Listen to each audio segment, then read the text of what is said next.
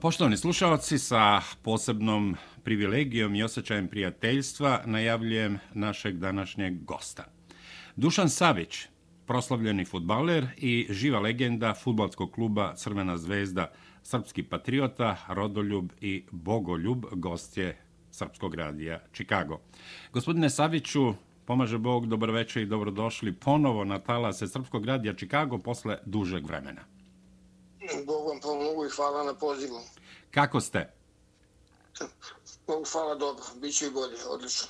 Dobro, to me raduje. Ja sam želeo danas da podelite sa našim slušalcima razmišljenja o situaciji u srpskom futbalu. Posebno u svetlu, privođenja u svojstvu građanina, na tome se insistira, iako mislim da to ne znači mnogo, predsjednika Futbolskog saveza Srbije Slaviše Kokeze, koji je priveden na informativni razgovor zbog veza sa navijačkom grupom Principi, navijačka grupa Partizana, na čijem čelu je bio Velja, odnosno Veljko Belivuk, Velja Nevolja, kriminalna grupa, kako ih zovu, i koliko to može da se odrazi na srpski futbal, posebno što Kokeza ima i visoku funkciju u UEFA. Izvolite.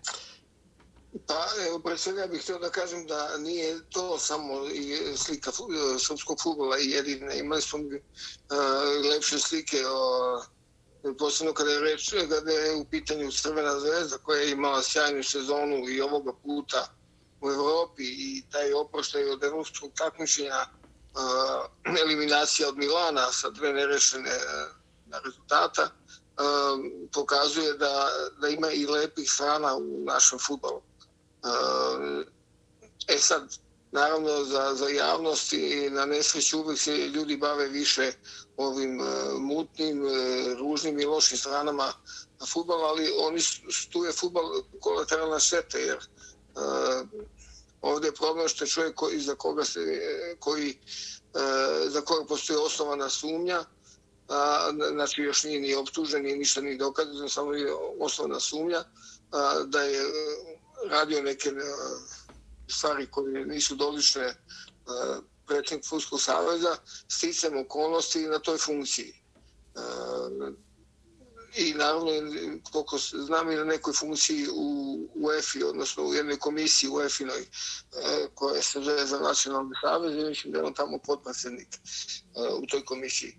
E sad, naravno, to je interesantno za javnost, jer je inače koliko je za i lične predsjednika države i član te stranke, ali uh, ono što je najvažnije to je da je on čovjek bez neke biografije i, u futbalu i u privredi i niko ne može da objasni kako on uspio da dođe na tu funkciju za jako kratko vreme od kad je ubačen u taj futbalski svet. E, što se tiče o, ovog drugog dela gdje se još jedan da ga nazovemo futbolski radnik, to je ovaj profesor... Vladimir Vuletić. Iz Partizana, on je potpisnik Partizana i on je uh, iza njega postoji osnovna sumnja da je bio u kontaktu sa tom grupom partizanovih navijača, što ćemo da vidimo dalje tačno i koliko je tačno i šta je tačno sve u tome. Jel? E, to su, kako bih rekao, ljudi koji su zalutali futbal bez nekih sportskih futbolskih biografija, a, i naravno takvi mogu da nanesu najveću štetu svojim E, a, nepoznavanjem e, futbala, nepoznavanjem e, života kluba, života futbala uopšte. I onda naravno kad nemaju iskustva, nemaju ta znanja, bez obzira šta god bili profesori ili ne znam kakvi privrednici, u određenom trenutku jel, naprave se greške i onda se ljaga baca na futbol. Ja mislim da se ovdje radi o pojedincima, a da i Futbolski savez Srbije i futbol u suštini nemaju nikakve veze sa, sa tim i oni ako su nešto činili neka odgovaraju kao, pre, kao privatna lica, kao građani, a ne kao predstavnici kluba ili saveza. Da s tim u vezi treba reći da Futbolska liga Srbije se odvija sasvim normalno, da se igraju utakmice, međunarodni kontakti sasvim u redu, tako da a, sigurno da to i po meni nema mnogo veze sa futbalom u Srbiji, ali nije ni malo naivno kad predsjednik Futbolskog saveza Srbije bude saslušavan u vezi sa kriminalnim delatnostima, a razumljivo je da tabloidi, ja ih oprostite na izrazu zovem fekaloidi, pišu o raznoraznim muljanjima na carini, ali se uvek apostrofira predsjednik Futbolskog saveza Srbije, ne znam... Sve to ne znam njegovu funkciju. Ja sam jednom jednom gostovanju to ljudi pitao dobro, a da je se desilo, recimo da je on pre tri mjeseca podno ostav ili mu istakao mandat ili napustio futbol svijedno. I dalje, onda bi govorili bivši predsjednik Futbolskog savjeza. Kao što sam mu Slaviša pogledao, ne znači, to ime ne znači ništa. Nikome, jel? A, ali kad kažete predsjednik Futbolskog savjeza, e, to je već druga dimenzija. I tu je napravljena velika, velika šteta za futbol, za savez, za klubo i uopšte za atmosferu u srpskom futbolu, jer mi imamo situaciju da se u, u srpski futbol posle duže pauze vraća Dragan Sojković Bikić, no veliko ime srpskog futbola i evropskog, ako hoćete, i veliko ime u Japanu, čovjek koji je jedna vrsta ikone u Japanu, jel? i dolazi da preuzme i preuze reprezentaciju Srbije i umjesto da se to dešava u atmosferi sportskoj, futbolskoj, gde svi ljudi koji vole našu reprezentaciju i futbol se raduju njegovom povratku, ali on ima tu snagu, ima harizmu, ima energiju da, da unese u ono što je neophodno bilo u taj tim reprezentativni, a to je samopouzdanje, to je hrabrost, to je borbenost i tako dalje, ponos da nosite državni grb i dres. To je sve u sensi ovoga uh, ovih skandala, ovih afera i ne znamo, a ne znamo šta će od svega toga na kraju se pokazati e, da je tačno koliko je razmere tog, tih grešaka i e, u pitanju. Tako da nekako e, sve ovo što sam sad odšu, rekao, otišao u drugi plan, e, zahvaljujući jer to, toj situaciji koja je, e, kako rekao, iskresla u, u nepovodnom trenutku za naš futbol. Dušane, kažite mi kako je moguće da se te kriminalne mafijaške ekipe a, nazivaju navijačima. Ja se sećam e, i kad ste vi igrali za Zvezdu, ja sam odrastao pored e, stadiona Željezničara na Grbavici, ali svi smo uglavnom navijali za Zvezdu. Kad ste dolazili na Grbavicu ili na Koševo nedeljom, kad su te utakmice, to je bio praznik, ne samo sportski, to je bio praznik za grad, za sve nas. Moj otac pokojni Branko bio je poverenik zvezde za, za Sarajevo i Bosnu i Hercegovinu. Dakle, navijalo se, rekao bih, više nego sportski. Bio je to uvek praznični dan. Kako je moguće da se na a, futbolskim stadionima u Srbiji, ali negde i po Evropi, međutim, evo govorimo o našoj situaciji, kako je moguće da a, neko pogine na utakmici od nekog topovskog udara, kako se unose ti rekviziti i kako je moguće da se te kriminalne grupe infiltriraju u futbolske klubove i da se dešavaju stvari kao što je velja, nevolja i slični.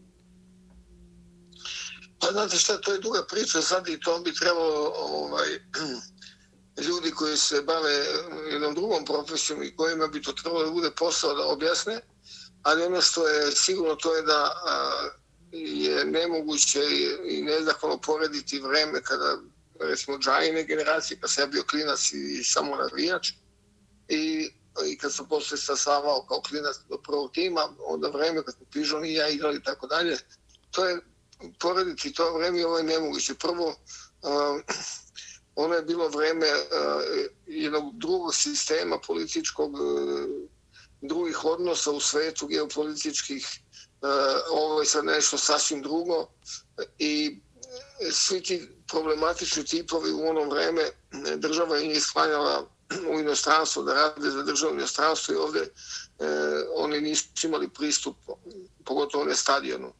Na neki način tadašnja država i, i partija koja je bila jedina jel, u državi vladala tadašnju Jugoslavijom je žela da napravi i pozitivan, što bi rekli danas, imidž o sebi, o svojoj politici u državi i nije dozvoljavalo da neko prilazi klubu ko nije dostojan toga, jel, pogotovo ne da bude upravi ili ne znam šta. Oni su svoje kadrove birali i davali ovaj, klubovima, pomagali i vodili računa pogotovo narodna milicija, jel? Da, da nema ispada, da nema tuča, da nema vređanja na nacionalnoj osnovi, iako se ponekad povlaču i tako dalje. I bilo to jedno, da tako kažem, e, i jedno nevinije društvo u tom navijačkom smislu. Recimo, ja sećam kad sam 71. godine imao sa 16 godina, brat, ja smo dohvatili lopte na derbiju Zvezda, Partizan, Džajana je uveo. Ovaj, kad smo prvi put čuli skandiranje e, sa juga partizanosti su skandirali cigani, cigani, a onda su naši vratili još domoglasnije, jel, pošto cigani u grobari, grobari. To je za nas bio šok, skandal, to je bilo vređanje. Mislim, to je, kad pričam mojim sinovima, kad sam pričao, oni su se smejali. Pa kad ste mi toliko, tolike budale bili da, da ste se sablaznili na tako nešto. I ne možete to sad ovim generacijama danas da objasnite koliko za nas u tom trenutku, za naše vaspitanje, za a, naš život to bilo nepojmljivo, neprihvatljivo. Ovo je neko drugo vreme, došla je ta fina demokratija u kojoj je sve moguće, sve dozvoljeno, sve da budete moralni, da budete pošteni, jel? jer demokratija je sve drugo sve moga, pogotovo što je laž, jel? kao sistem prevara. Kako da danas imate i lažne navijače, i lažne predsednike, i lažne profesore, i važne privrednike, vrlo malo je onih pravih, jer u demokratiji sve može, ali to je u stvari nahnija koja se malo kontroliše. Da, Dušane, ja bih zamolio da s tim u vezi prokomentarišete i nemio događaj ili incident koji se dogodio na remaš utakmici Crvena zvezda Milan kada je neko, ne znam ko bi to mogao biti, nekakav pod navodnicima navijač vređao sportistu, futbalera, kažu dobrog čoveka, ja ga lično ne poznajem, Zlatana Ibrahimovića. Ja ga ne poznam, ne, ne mogu ništa o njemu da govorim, sve ono što sam čuo to je da je, da je super tip, da je simpatičan, da je druželjubiv, da voli naše ljude i, i mislim on je čovjek koji je rođen na našim prostorima, jel, bivšim, Eh, otišao je kao klinac u Švedsku, ali postoji taj gen, jel, eh, na kraju krajeva on je na vići bez obzira koje vere bio. Eh, I to je apsolutno jedna velika glupost koja je nanala ogromnu štetu Crvenoj zvezdi. Drugo, vređati ga to što je on ovaj, druge vere je toliko glupo jer oni ne znaju da recimo on, on peva naše pesme. Drugo, on u kući ima ovaj, jednu sliku ovaj, mislim da je E, Kosovka devojka, da je nešto iz, iz, iz srpske istorije. Tako da ne mogu da razumem zašto, zašto je neko, ne znam zaista šta je bilo, ali šta god da je bilo ružno je, pritom Zvezda će o, i ovoga puta debelo platiti UEFA za, za, a, za taj incident i samo ne razumem da ničim izazvani mi sami sebi pravimo, pravimo ovaj problem i stečemo granu na kojoj sedimo.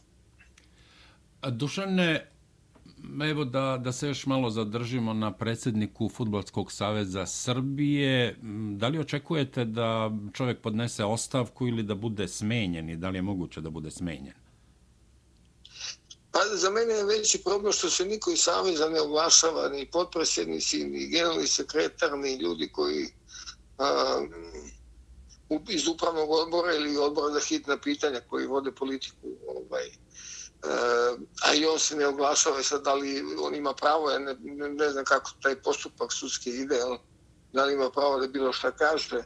O, međutim, e, meni je nepojemljivo da a, e, niko ne izađe iz saveza pa kaže, evo, kao što sam rekao, ljudi, on nema veze sa nama. To šta je on radio privatno, to je njegov problem, nemojte da mešate Fulski savez koji se bavi čisto sportskim pitanjima i sportskim poslom. Mislim, svi nešto ćute, da li ovaj, ne žele da, da, da izleću u javnost jer imaju ambicije da ga naslede ili ne, ne znam. Ali mislim da, da je trebalo već neko da, da, da izađe da kaže nešto i da na neki način ipak odbrani savez. Jer stalno se spominje Kokeza, za, kažem, ne kao građanin, nego kao predsjednik Futbolskog saveza. To što je on radio, ako je nešto radio, što je protiv zakonski, protiv ustavno, pa on nije radio to u ime Futbolskog savjeza Srbije. Futbolske Srbije sa tim nema nikakve veze. Dakle, ja bih da sam, ja sam napustio savjez pre pet godina kad je on došao, ovaj, i imao bi milion razloga da budem ljut, ali nisam i neću kad pet godina nisam e, želeo ništa loše da kažem, neću ni sad, ali uh, želim da kažem da bi bio red da je neko iz Saveza izašao, ja da sam ostao i dalje tamo, ja bih izašao sad, kao što mogu rekao, rekao bi svoje mišljenje, ljudi ne mešajte futbal i futbolski savez sa, sa tim šta je on radio, ako je eventualno nešto radio, na što ga vi sad sumnjičite, pustite se, završi taj sudski proces i, i da vidimo o čemu se radi. Dušan, evo, da, izvolite, izvolite. Gledam, upravni odbor i odbor za hitna pitanja se nije uh, nije našao za shodno da se sastane i da kaže šta da radimo ljudi, o čemu se ovdje radi, imali mesta a, zabrinutosti i dalje ovo istine ili nije istina, kako da se postavimo mi kao institucija, jel? I po plus Savje Srbije jedna organizacija institucija naša futbolu. Kako da se postavimo u ovom trenutku. Drugo, a, ajte možda će neko iz, iz UEFA da, da nas pozove pa da pita šta mi mislimo. A mi ne znamo šta da mislimo, jer Savez mora da ima jedinstveno mišljenje po tom pitanju.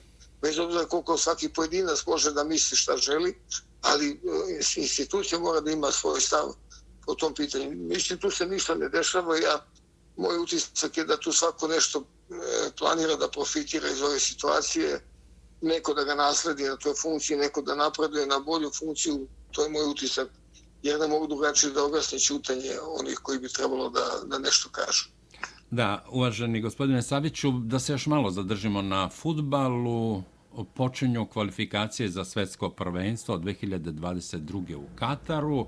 U B grupi kvalifikacija su Španija, takozvana država Kosovo, Švedska, Grčka i Gruzija. Španija 31. marta dočekuje takozvano Kosovo. Oni su stavili do znanja, dakle Španci i Ministarstvo spoljnih poslova stavili su do znanja Kosovu da nije država, nema himne, nema zastave, nema zajedničke slike. Šiptari, Albanci prete, molim za komentar. Pa prvo moram da kažem da sam uh, iznenađen neprijatno uh, što su Španci uopšte prihvatili da igraju pa i pod ovim uslovima ukoliko do toga dođe. Sad, Ehm, jer ako ne prihvatate i ne priznajete kao što Španija ne priznaje ovaj, našu okupiranu teritoriju da je da je država od strane NATO sluga, sluga šiptarskih terorista, onda mi nije jasno zašto prihvataju da igraju i pod uslovima da se oni zovu teritorija, da nema himne, da nema ničega, pa sa kim onda igrate? Jer ipak ehm, kvalifikacije za svjetsko prvenstvo i svjetsko prvenstvo je takmičenje nekih e, reprezentacija nekih država. To mi je prvo neprijatno izrađenje. Sad malo je to uglaženo ovim stavom koji sam video u novinama da eto ne, ne može da bude zastava, ne može da bude hima, ne mogu da bude obeleža i da se zovu teritorija. Da igraju, uh, i bojim se da opet tu nije neka, što bi mi Srbi rekli, igranka, pa da onda uh, FIFA a, nešto tu utrči pa nađe neko stolomonsko rešenje, neki kompromis, jel? što bi rekli ovi danas sveobuhvatni kompromisi za, za svjetsko prvenstvo. E, to me malo plaši, e, ali bi bio razočaran ako bi Španci e, popustili i igrali, a da bilo šta od simbola države, E, lažne države, terorističke, tvorevine na našoj okupiranoj teritoriji bude prisutno na, na, na toj utakmici. I interesuje kako će se onda ponašati kad budu igrali revanš e, dole kod nas u, u pokrajini. Da, kad pominjate Kosovo i Metohiju, voleo bih da prokomentarišete, jer to nam je svima rak rana. A, Srpska akademija nauka i umetnosti i predsjednik akademije Vladimir Kostić opet sad tu se odvaja, to bože on je kao privatno lice izjavljivao da Kosovo više nije deo Srbije, da se s tim treba pomiriti, da de facto i de jure Kosovo nije više u Srbiji i tako dalje i tako dalje. Reagovao je Matija Bečković koji je tražio da se akademici izjasne o Kosovu i Metohiji, međutim upravni odbor, evo danas smo dobili informaciju da su podržali Vladimira Kostića, pa molim vas za komentar. Pa, mislim da je a, izjava predsjednika Srpske akademije nauke i umetnosti bila a, po meni ne, nepromišljena, volio bi da, da, da je nepromišljena, da je ishitrena i da sada a, tu postoji sujeta da se povuče ono što je rečeno, gde, gde on kazao, ma to malo još gore zvuči kad kaže da, da, da je problem samo kako da se dostojanstveno povučemo, jer de facto i jure to više nije naše. E, lično, ja poznajem vladu, ali e, mogu bi da, da budemo i rođeni brat blizana kada ovo izjavi, ja s tim ne da ne mogu da se složim, nego to osuđujem i sve snage. E, I pogotovo što mislim da, da predstavnik jedne od dve, tri najvažnije institucije u državi nema pravo da, dok je na toj funkciji, da iznosi svoje, navodno svoje privatno mišljenje. Ne, ne znam e, čime je izazvano on iznosio privatno mišljenje, kad njegovo privatno mišljenje nije uopšte važno, dok je na funkciji predsjednika akademije, jer kad god se čovjek koji je na toj funkciji e, i predstavlja tu važnu instituciju, pojavi u javnosti, nešto kaže, E, najlogičnije da se smatra to stavom akademije, tako? E, I mislim da je tu e, velika greška napravljena, neoprostiva. E, I volio bih da je to samo njegov nepromišljen, e, da je samo njegova nepromišljena izjava. E, plaši me da nije samo to i da nešto drugo stoji za toga, a e, u prilog tome e, čini mi se najbolje objašnjava e, stav tog izvršnog odbora ili ne znam koje već e, stav odbranu e, predsjednika akademije, što je ta, također nelogično i, i za mene neprihvatljivo. Jer ako Srpska akademija nauka i umetnosti ne smatra da, da je Kosovo i Metohija deo Srbije, ne znam ko bi onda trebalo da, da, da smatra. Da, Dušane, vi ste izuzetno cenjeni, poštovani kao futbaler. Crvena zvezda je imala mnogo velikih futbalera, ali su redke oni koji su dobili pesmu koja se i dalje kliče i peva na celoj Marakani, ali vaša mišljenja kao patriote, pravoslavca, rodoljuba i bogoljuba se izuzetno uvažava. Dakle, voleo bi da prokomentarišete vašu izjavu Sačuvaj nas Bože Mila Đukanovića i Miraša Dedejića, dakle, odnosi se na situaciju u Crnoj Gori i položaj srpskog naroda. Izvolite. Ja sam to govorio pre izbora u, u avgustu, mislim da je to bilo 30. augusta. Tako je. Izbor, ja sam govorio mjesecima pre toga i e, na svoj način pokušavao javnim e, delovanjem da ohrabrim e, braću Srbije i Crnogorce dole da e, ne padaju pod uticaj e, milogorske mafije i na čelu sa Milom Đukanovićem. Čovjek čovjek je obrukao i svoje pleme, svoju porodicu, svoj narod, e, državu ako zna kome pripada. I mislim da je pobjeda e, 30. avgusta jedna od najlepših eh, jedan od najlepših događaja na, na našem prostoru, e, a svakako da su litije nešto najlepše, najznačajnije, najboljivije, što će ući u istoriju gde je srpski narod u E, u Crnoj Gori pokazao i koji šta je kome pripadao i u toj odbrani svetinje, odbrani svog dostojanstva e, naneo prvi poraz. Ja se nadam da će sada u Nišiću biti taj definitivni poraz e, te mafijaške klike Mila, Mila Ljukanića. Taj Dedajić raspop i, i, i Pedar nije bitan uopšte, čovjek je poznat po svom razvratu i, i budalaštinama i lopot, kraži para i tako dalje. I naravno da to priliči uh, Milu ta, ta sekta registrovana u policijskoj stanici uh, i priliči da, da bude uz Mila i Milo uz njih. Uh, ono što se sada događa, ja se nadam da će biti uh, onaj veliki ekser zakucan u sanduk te mafijaške politike i diktatorskog, diktatorskog režima Mila Đukanovića i da će najzad Crna Gora biti u bliskoj budućnosti apsolutno slobodna, pogotovo ako Srbi i Crnogorci, svi ljudi dole koji žive i koji žele da žive od svog rada i da, da budu poštovani i kao ljudi i kao narod, budu mogli da formiraju vladu u kojoj će demokratski front moći apsolutno sam da, da, da vlada uz pomoć prosrpskih i propatriotskih snaga, jer tako će onda moći da se povuče i priznanje e, e, o, lažne tvorevine e, Kosova i da se izađe iz NATO-a i da Crna Gora dođe najzad sebi, da se vrati i svom srcu i svojoj duši i svojim korenima. Dušane, kakvi su odnosi, sportski odnosi između Srbije i Crne Gore, posebno futbalski, na čelu Futbolskog saveza Crne Gore je još jedna velika zvezda Crvene zvezde, Dejan Savićević. Imate li kontakte u kakvim ste odnosima? Pa u sportskim, kad se sretnemo, nemamo, mi smo različite generacije iz različitih vremena i sportske, kad se sretnemo, nađemo veći majstor, tako, tako dalje.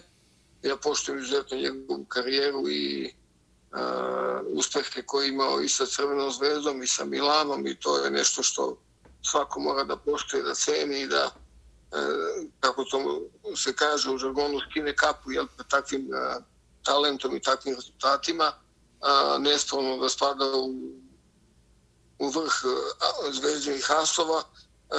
Mislim, mislim da su odnosi između futbala Futbolskog savjeza i futbola Srbije i Crne Gore isti kao što su i odnosi država.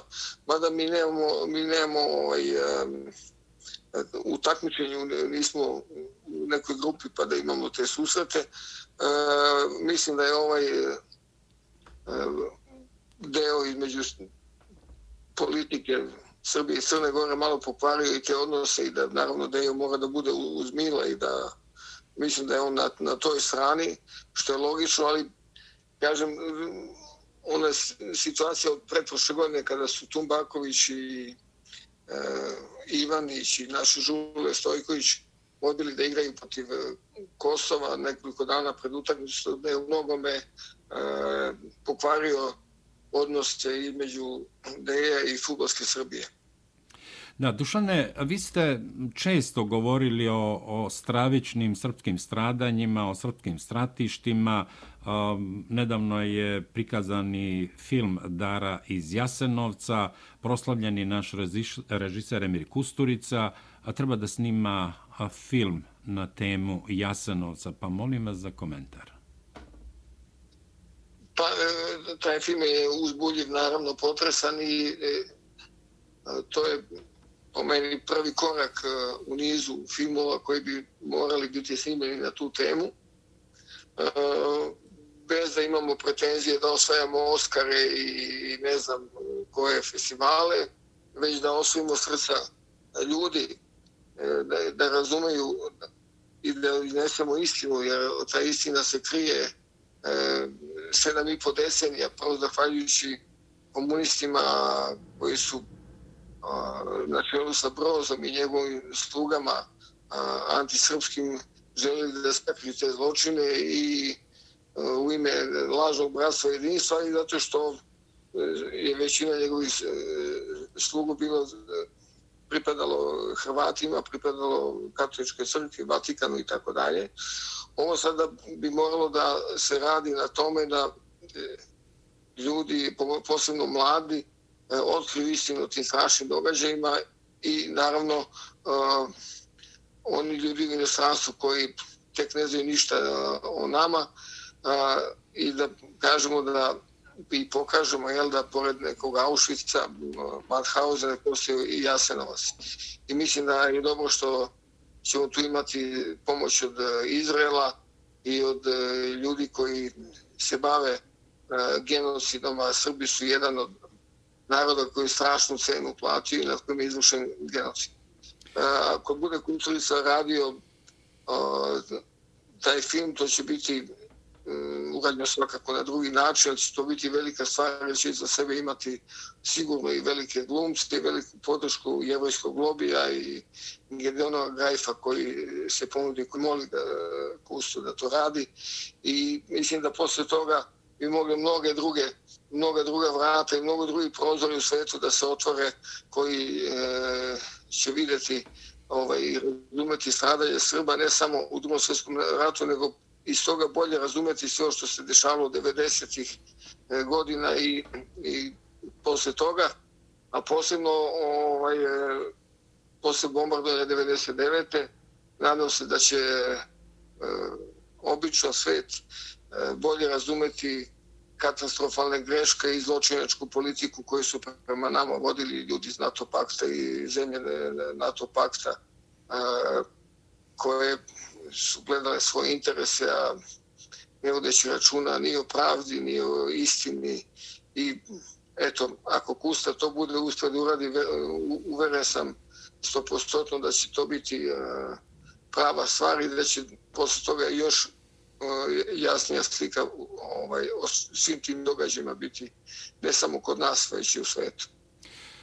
Dušane, Pri kraju smo našeg razgovora. Ja bih volao da prokomentarišete i sljedeću činjenicu. Na Svetom arhijerijskom saboru za 46. patrijarha srpskog izabran je dosadašnji mitropolit Zagrebačko-Ljubljanski Porfirije. Vi ste pravoslavni vernik, znam da ste bliski sa novim patrijarhom. On je inače i naš ovde prijatelj, dolazio je više puta u posetu episkopu Longinu i nama ovde u Čikagu, odnosno u manastiru da. Nova Gračanica, da. pa objavljena je i vaša slika, vi i Dragan Đajić zajedno sa patrijarhom Porfirijem, pa recite nam nešto i o tome.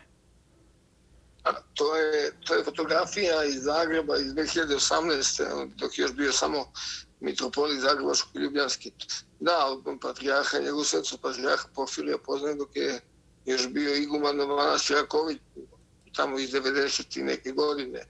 Marina je sa njim napravila 4-5 emisija televizijskih intervjua dok je radila još na BK televiziji pa na studiju B pa u televiziji Hram i sada je napravila pre, uh, pred Božić uh, za Sputnik, pošto Marina sad radi svoju emisiju dok Anđeli spavaju. Da, za, za naše slušale, slušalce koji ne znaju ko je Marina, recite nam ko je Marina, ja znam naravno. Ali... Marina je no, autor emisije, kultne emisije dok Anđeli spavaju, koja ono, je još od 93. godine sa trećeg kanala je to počelo. I međutim, Patriarha Porfirija, kažem, poznajem preko 25 godina, drugo on je venčao mog starijeg sina Uroša, i našu tijenu, a krstio je Vujadinu i Mirko na, na, na desu mog drugog sina Vujadina, Andreja Adrianu, Mihajla nije krstio, tada je Mirka je bila trudna, tako da smo povezani i prijatelji smo i ja sam, radimo se, naša kuća se raduje što je on postao patrijarh, jer mislim da je to najbolje rješenje za vreme koje dolazi i koji će biti opterećeno velikim iskušenjima i problemima. On je čovjek a, velikog obrazovanja, on je doktor e, teoloških nauka, on je čovjek dijaloga, on je čovjek koji je spreman, kako mi je nedavno rekao, ako je potrebno za svoj narod i za svoju srpsku pravoslavnu crkvu da puzi i da ga gađaju kamenjem samo da crkvi narodu bude dobro, vjernicima da bude dobro. Tako da mislim da da je on e, neko koga uvažava i pravoslavni i katolički i muslimanski svijet i jevrejski i da uh, koliko sam primetio sa svih strana ljudi su izuzetno podržali njegov izbor i mislim da ćemo u njemu imati najboljeg predstavnika i crkve i naroda u kontaktima sa svetom i da je on spreman, kažem, da kao što rekao, da prima sve moguće udarce ako će to biti dobro za srpski narod i srpsku crkvu. Dušane, vi ste izjavili, zalažete se za ukidanje reality programa kao i ja sam. A, reality program je oličenje razvrata, bluda i primitivizma. Ja kažem da je to sprovođenje intelektualnog i kulturnog genocida nad srpskim narodom, posebno nad mladima. Izvolite. Pa, apsolutno, ja sam to rekao, često sam govorio, ne jednom, nego često i nedavno na jednoj televizijskoj emisiji u jutarnjem programu, u stvari, uživo je to izazvalo veliku, bio sam i grub malo čak u iznošenju svog stava. Bili ste na mestu sasvim to što ste rekli, ja sam pratio. Da, pa dobro, da, ali pošto ja važim za čovjeka koji je ovaj, nije politika, se govor, nisam politički podoban ili kako se to sad novo kaže, e, politički nekorektan govor imam. Mislim da tako se to zovu, kad da, neko da, kaže da. istinu kad neko kaže istinu, onda je politički nekorekta. Jel? Tako da, da sam to izdao po ne znam koji put a, i šetio sam se da je Matija Bečkić pre, mislim, godinu dve dana pisao da o, isto protiv reality, rekao da jedno nije sigurno da li je za ukidanje reality programa zaduženo ministarstvo zdravlja, stočarstva, poljoprivrede. Da, da, da. da, da. koje da se Jer tu su farme, parovi, torovi, obori, ko zna kako se to već da, da, zove. Da, da, da, da. Tako da, ovaj, e, to je, to je genocidna kulturom srpskog naroda koji je smišljen i ubačen, naravno, i to privatni, te privatne televizije forsiraju, to im pravi pare, a drugo izvršavaju naređenja svojih gazda i stranstva. Jer ako hoćete da uništite jedan narod, prvo uništite kulturu. Onda je lako sa budalama, majmunima, sam rekao u toj emisiji, kretenima, lako je manipulisati. Tako da, to je e, opšte poznato, samo što naravno svi se prave blesavi, ovaj, e, nema onih koji će da otvoreno kažu i da a, to ovaj prihvate kao istinu i da se bore protiv tih prljavština, razvrata, anomalija, pritom kad se kad im se pridruže ovi a, o kojima nije, ovaj, kako se kaže, e, preporučilo da se pričaju, to su pederi i lezbeki koji haraju i Srbijom i svetom, jel, onda, tek onda postajete politički ovaj, nepodobni i to udruženje u stvari je zaduženo za uništenje Srbije jel, sa, sa velikom podrškom e, uh, iz zapadne Evrope i sveta i moramo se protiv toga boriti, ali e, kad imate e, ljude i u vlasti i u opoziciji koji su kupljeni da to sprovode sa redkim izuzetcima, jel, onda borba nije laka. Da, Dušane, ja sam e, gledao tu emisiju na televiziji Happy. Voditeljka, pa onako malo nedobudna, prosto mi nije jasno, vi ste nešto kritikovali oko nekakve frizure, ali ne mogu da verujem da se tako ozbiljne emisije ili dolaze ozbiljni ljudi, rekao bih, političari, sportisti i tako dalje, onda se pojavi voditeljka koja ima dekolte, kako kaže naš narod, do pupka. Sa druge strane, ovde u Sjedinjenim američkim državama na svim ozbiljnim televizijama kada su u pitanju ozbiljni programi, intervjui, eh, političke debate, voditeljke su obučene veoma, veoma pristojno, ponašaju se veoma pristojno. Kod nas što dublji dekolte i što pod navodnicima raširenije noge jer ih kamera hvata pa eto dotičnu eh, video sam kako sedi vrlo neženstveno. Dakle, ne mogu da razumem šta se dešava u Srbiji. Voditeljke sa dekolteima do pupka još malo pa će da se skinu u, u, u bikini. Pa da, da, ona je dobro namera, nije ona oša, mislim, ona je, ne znam da znate, ona je vodila reality program jedno vreme, tako da... Ne, ne, nemam pojma koje je samo prosto onako malo pa, ne, neumesno, ne. Da, jeste, ali ona je iz tog programa, tako da je ona je prošle godine dobila da radi jutarnji program, znači radila taj reality godinama, tako da um, ne iznenađuje vas uh, onda kad znate to stil oblačenja i ponašanja, iako kažem, ona nije loša, ne čak i dobro. Naravno, ali... moguće da je najbolja, znate, ovaj, ne znači želeti dobro da se i čini dobro. Tako, naravno, čim ona, ona, ona kaže, mora da ima reality, ne mora, ne mora, ugasi se i ne mora, tačka, gotova. Ne, ne, ona, zato što ona brani taj, ona je iz tog dela, iz tog dela priče.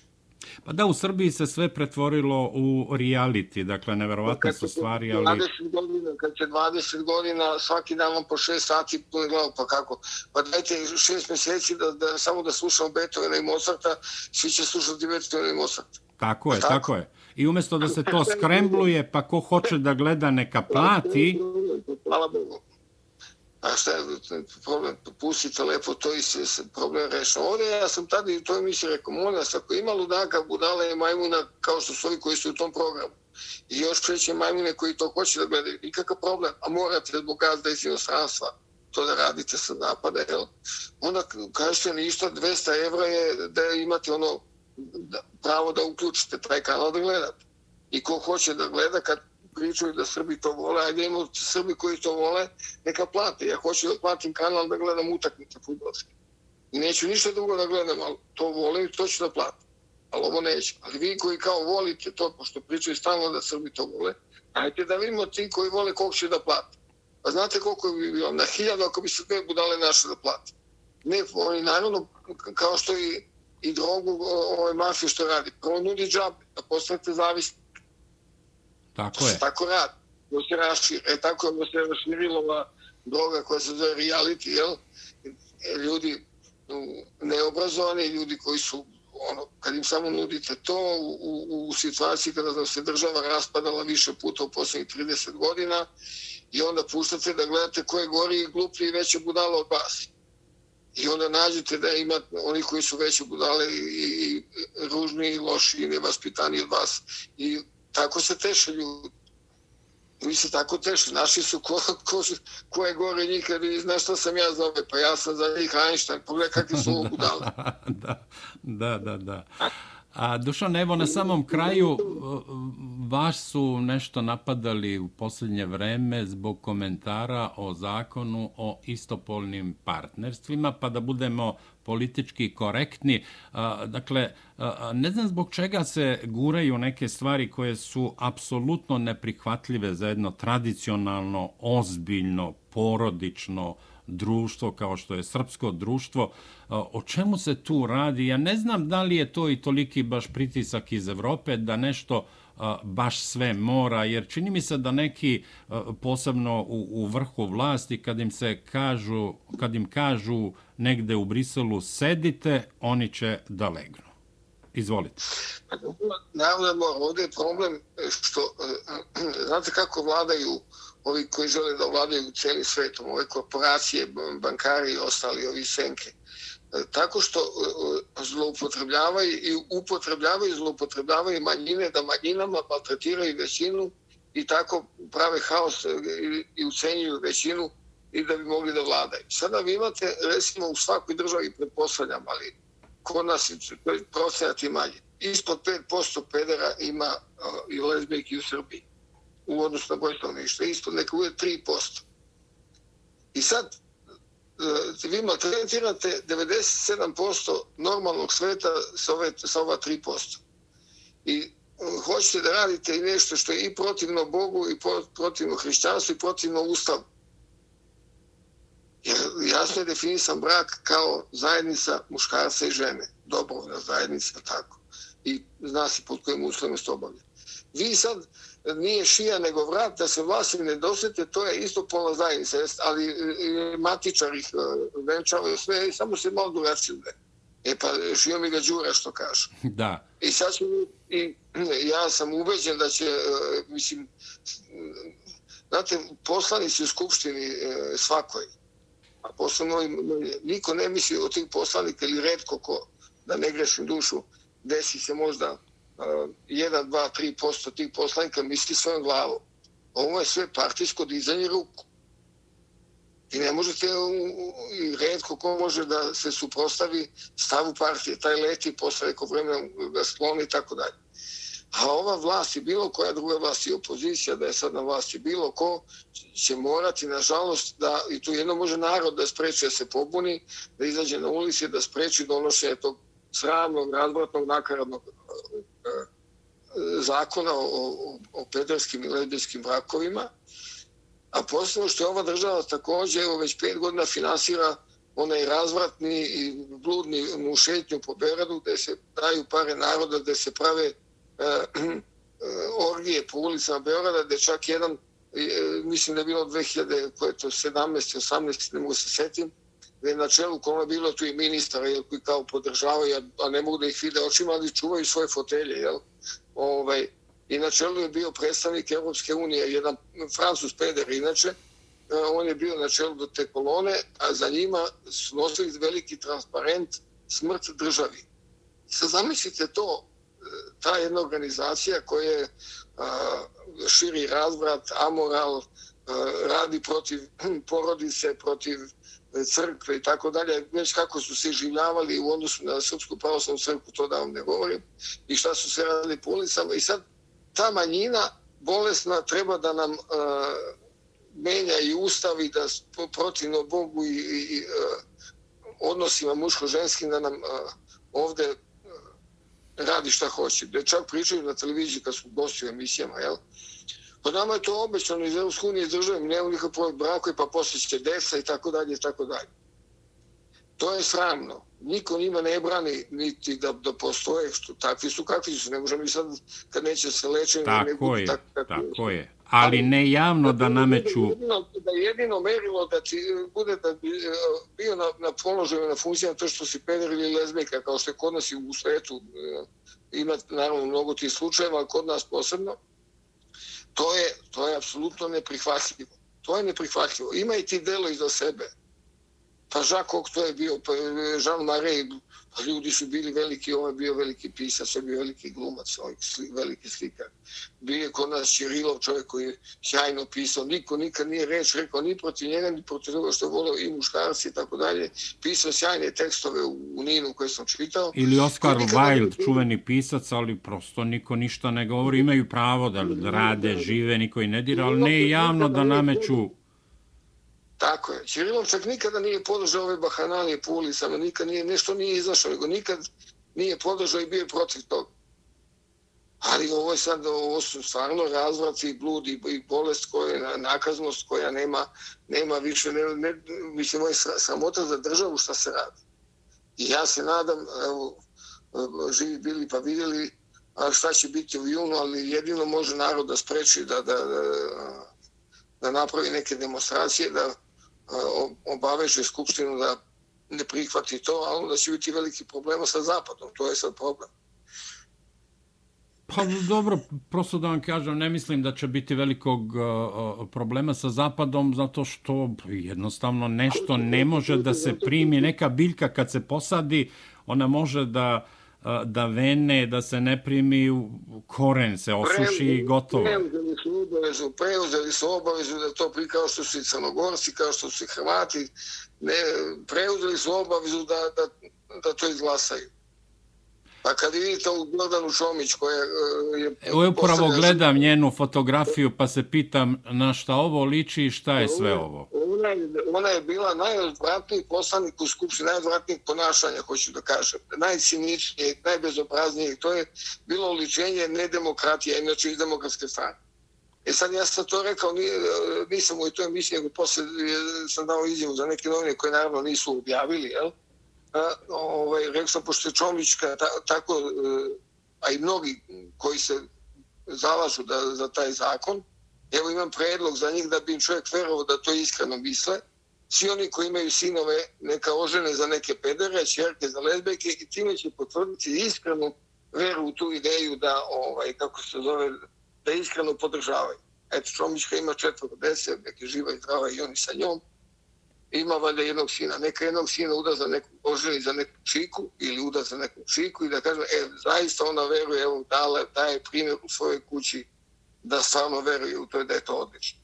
I svi oni drugi koji podržavaju svako neka pojedno dete ženi za peder ili za, za lesbiku, ovaj čerku, i da im kažu stvarno veruju u to.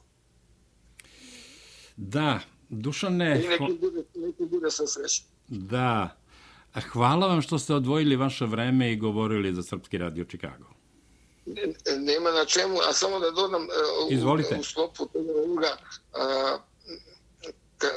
gde bi trebalo e, da se otvor e, pruži to ideji koja vidim na televiziji kako priča Sinoš Prešnješ na RTS-u, to je završena stvar, to je predlog ide u junu gotovo.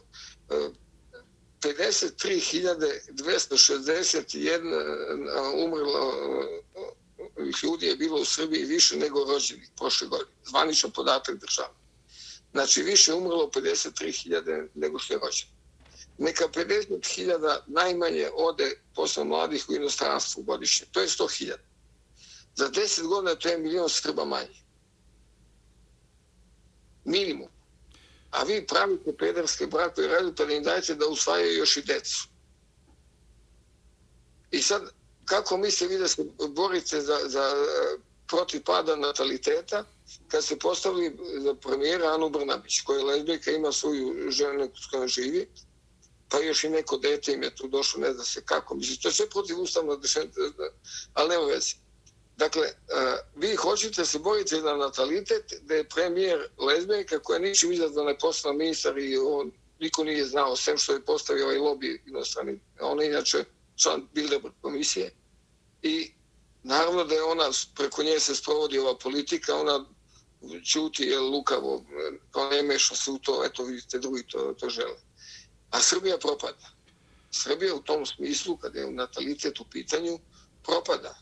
Jer nas je 100.000 godišnje manje. 53.000 ljudi više umre nego što se rodi i još toliko ode. I vi gledajte kud, kud plovi ovaj brod. Kud plovi ovaj brod? Vidjet ćemo, nadajmo se da će uploviti u mirnije, časnije, poštenije i tradicionalnije ponovo mirne vode. Hvala vam još jedan put što ste bili gost Srpskog radija Čikago. Hvala na pozivu i uvek stojim na raspolaganju vama, vaše radije i srpskom narodu, da posebno u dijaspori da porazgovaram. Hvala vam. Poštovani slušalci, gost Srpskog radija Čikago bio je Dušan Savić, proslavljeni futbaler i živa legenda futbolskog kluba Crvena zvezda i naravno srpskog futbala, srpski patriota, rodoljub i bogoljub.